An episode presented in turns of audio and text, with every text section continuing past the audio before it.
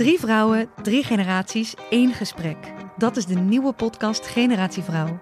Samen met babyboomer Nora Beijer Wij vonden dat heel gewoon. en Roos Slikker uit Generatie X Jouw generatie doet dat. onderzoek ik, millennial Eva Breda, wat we van andere generaties kunnen leren. Iedere vrijdag een nieuwe aflevering op Flair, Libelle of margriet.nl slash podcast. Alice in Wonderland, aflevering 16. Door Gaite Jansen. In de tuin van de Hartekoning en Hartekoningin moet Alice meedoen aan een vreemd krokketspel. Nog nooit in haar leven, dacht Alice, had ze zo'n raar krokketveld gezien. Het was een en al kuil en greppel. De ballen waren levende egels, de hamers levende flamingo's. En de soldaten moesten zich dubbel vouwen en op handen en voeten staan om de poortjes te vormen. De grootste moeilijkheid, zoals Alice direct vaststelde, was het hanteren van haar flamingo. Het lukte haar om zijn lijf tamelijk handig weg te werken onder haar arm met de poten omlaag, maar nauwelijks had ze zijn hals netjes uitgestrekt en stond ze op het punt de egel een klap te verkopen met de kop van de flamingo, of daar draaide hij zich potverdikke alweer om en keek haar zo verbouwereerd aan dat ze onwillekeurig in de lach schoot. En als ze zijn kop omlaag had en weer wilde beginnen, bleek de egel zich tot haar grote ergernis te hebben uitgerold en probeerde weg te kruipen. Afgezien van dit alles was er meestal een kuil of een greppel, precies op de plek waar ze de egel heen wilde staan. En aangezien de dubbelgevouwen soldaten voortdurend opstonden om naar een ander gedeelte van het terrein te wandelen, kwam Alice al gauw tot de conclusie dat het een buitengewoon moeilijk spel was. En de spelers speelden allemaal tegelijk, zonder hun beurt af te wachten, terwijl ze aan één stuk door ruzie maakten om de egels. En na zeer korte tijd verkeerde de koningin in de opperste razernij en liep stampend rond. Zowat eens per minuut roepend: Zijn hoofd eraf! Of haar hoofd eraf! Alice begon zich hoogst ongemakkelijk te voelen. Weliswaar had ze tot nu toe geen ruzie gehad met de koningin, maar ze wist dat het elk ogenblik kon gebeuren.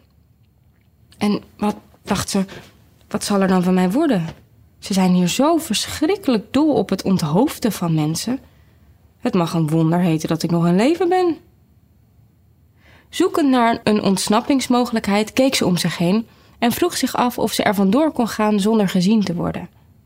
Toen ze in de lucht een merkwaardige verschijning opmerkte.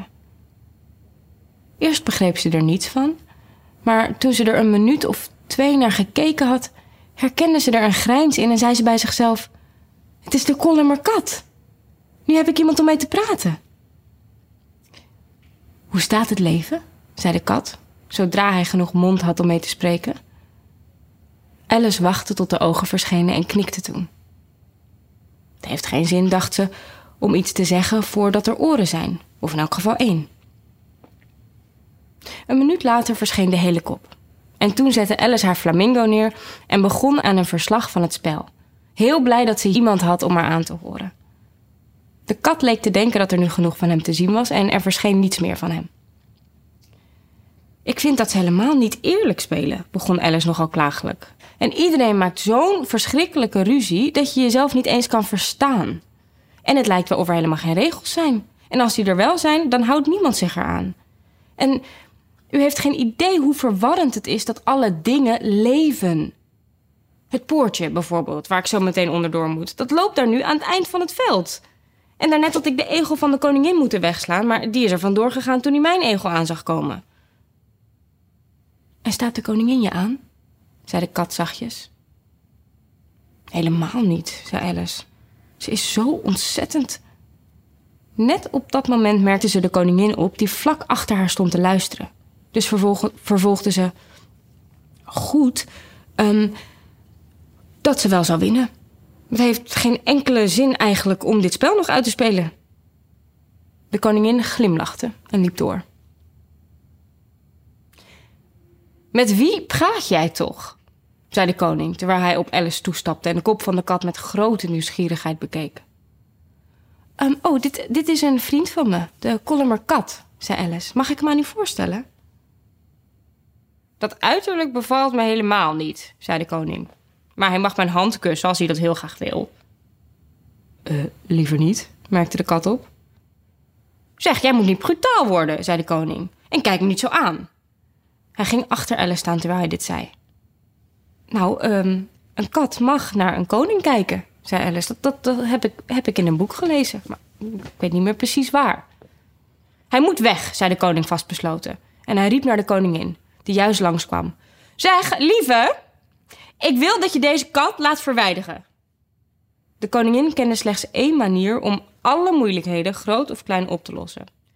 Zijn kop eraf, zei ze zonder zelfs maar om te kijken.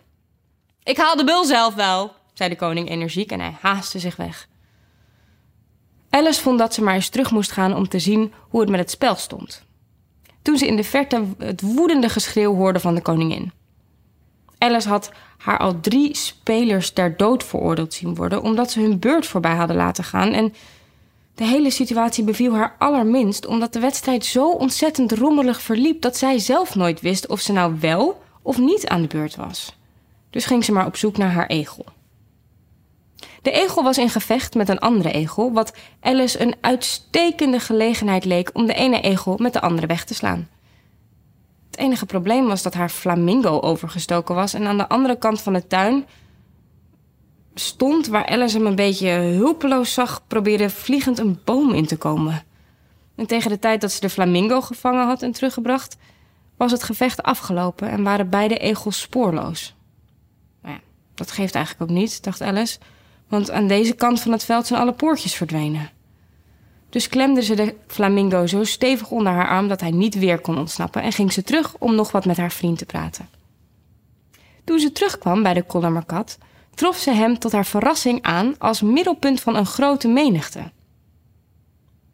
Er werd ruzie gemaakt door de beul, de koning en de koningin, die allemaal tegelijkertijd aan het praten waren, terwijl de rest zich muis stilhield en slecht op zijn gemak leek. Zodra Alice verscheen, deden ze alle drie een beroep op haar om de zaak op te lossen. En herhaalden ze hun standpunten voor haar, maar omdat ze allemaal tegelijk spraken, vond ze het buitengewoon moeilijk om erachter te komen wat ze nu eigenlijk zeiden. Het standpunt van de bul was dat je een hoofd niet kon afhakken als er geen lichaam was waar het aan vast zat. Dat hij zoiets nog nooit bij de hand had gehad. En dat hij niet van plan was om daar op zijn leeftijd nog aan te beginnen. Het standpunt van de koning was dat alles wat een hoofd had onthoofd kon worden en dat je dus geen onzin moest uitslaan.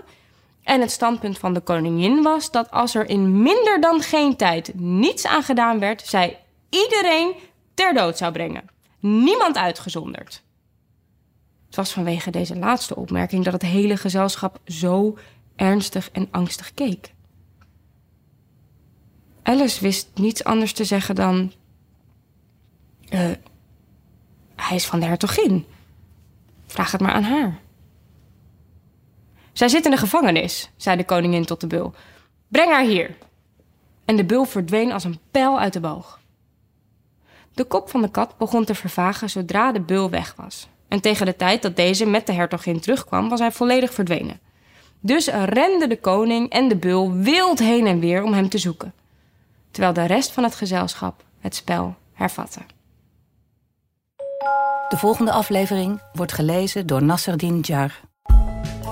Alice in Wonderland is een podcast van Internationaal Theater Amsterdam, Het Parool en Stepping Stone Producties. Vertaling Nicolaas Matsier, uitgeverij Meulenhof Boekerij.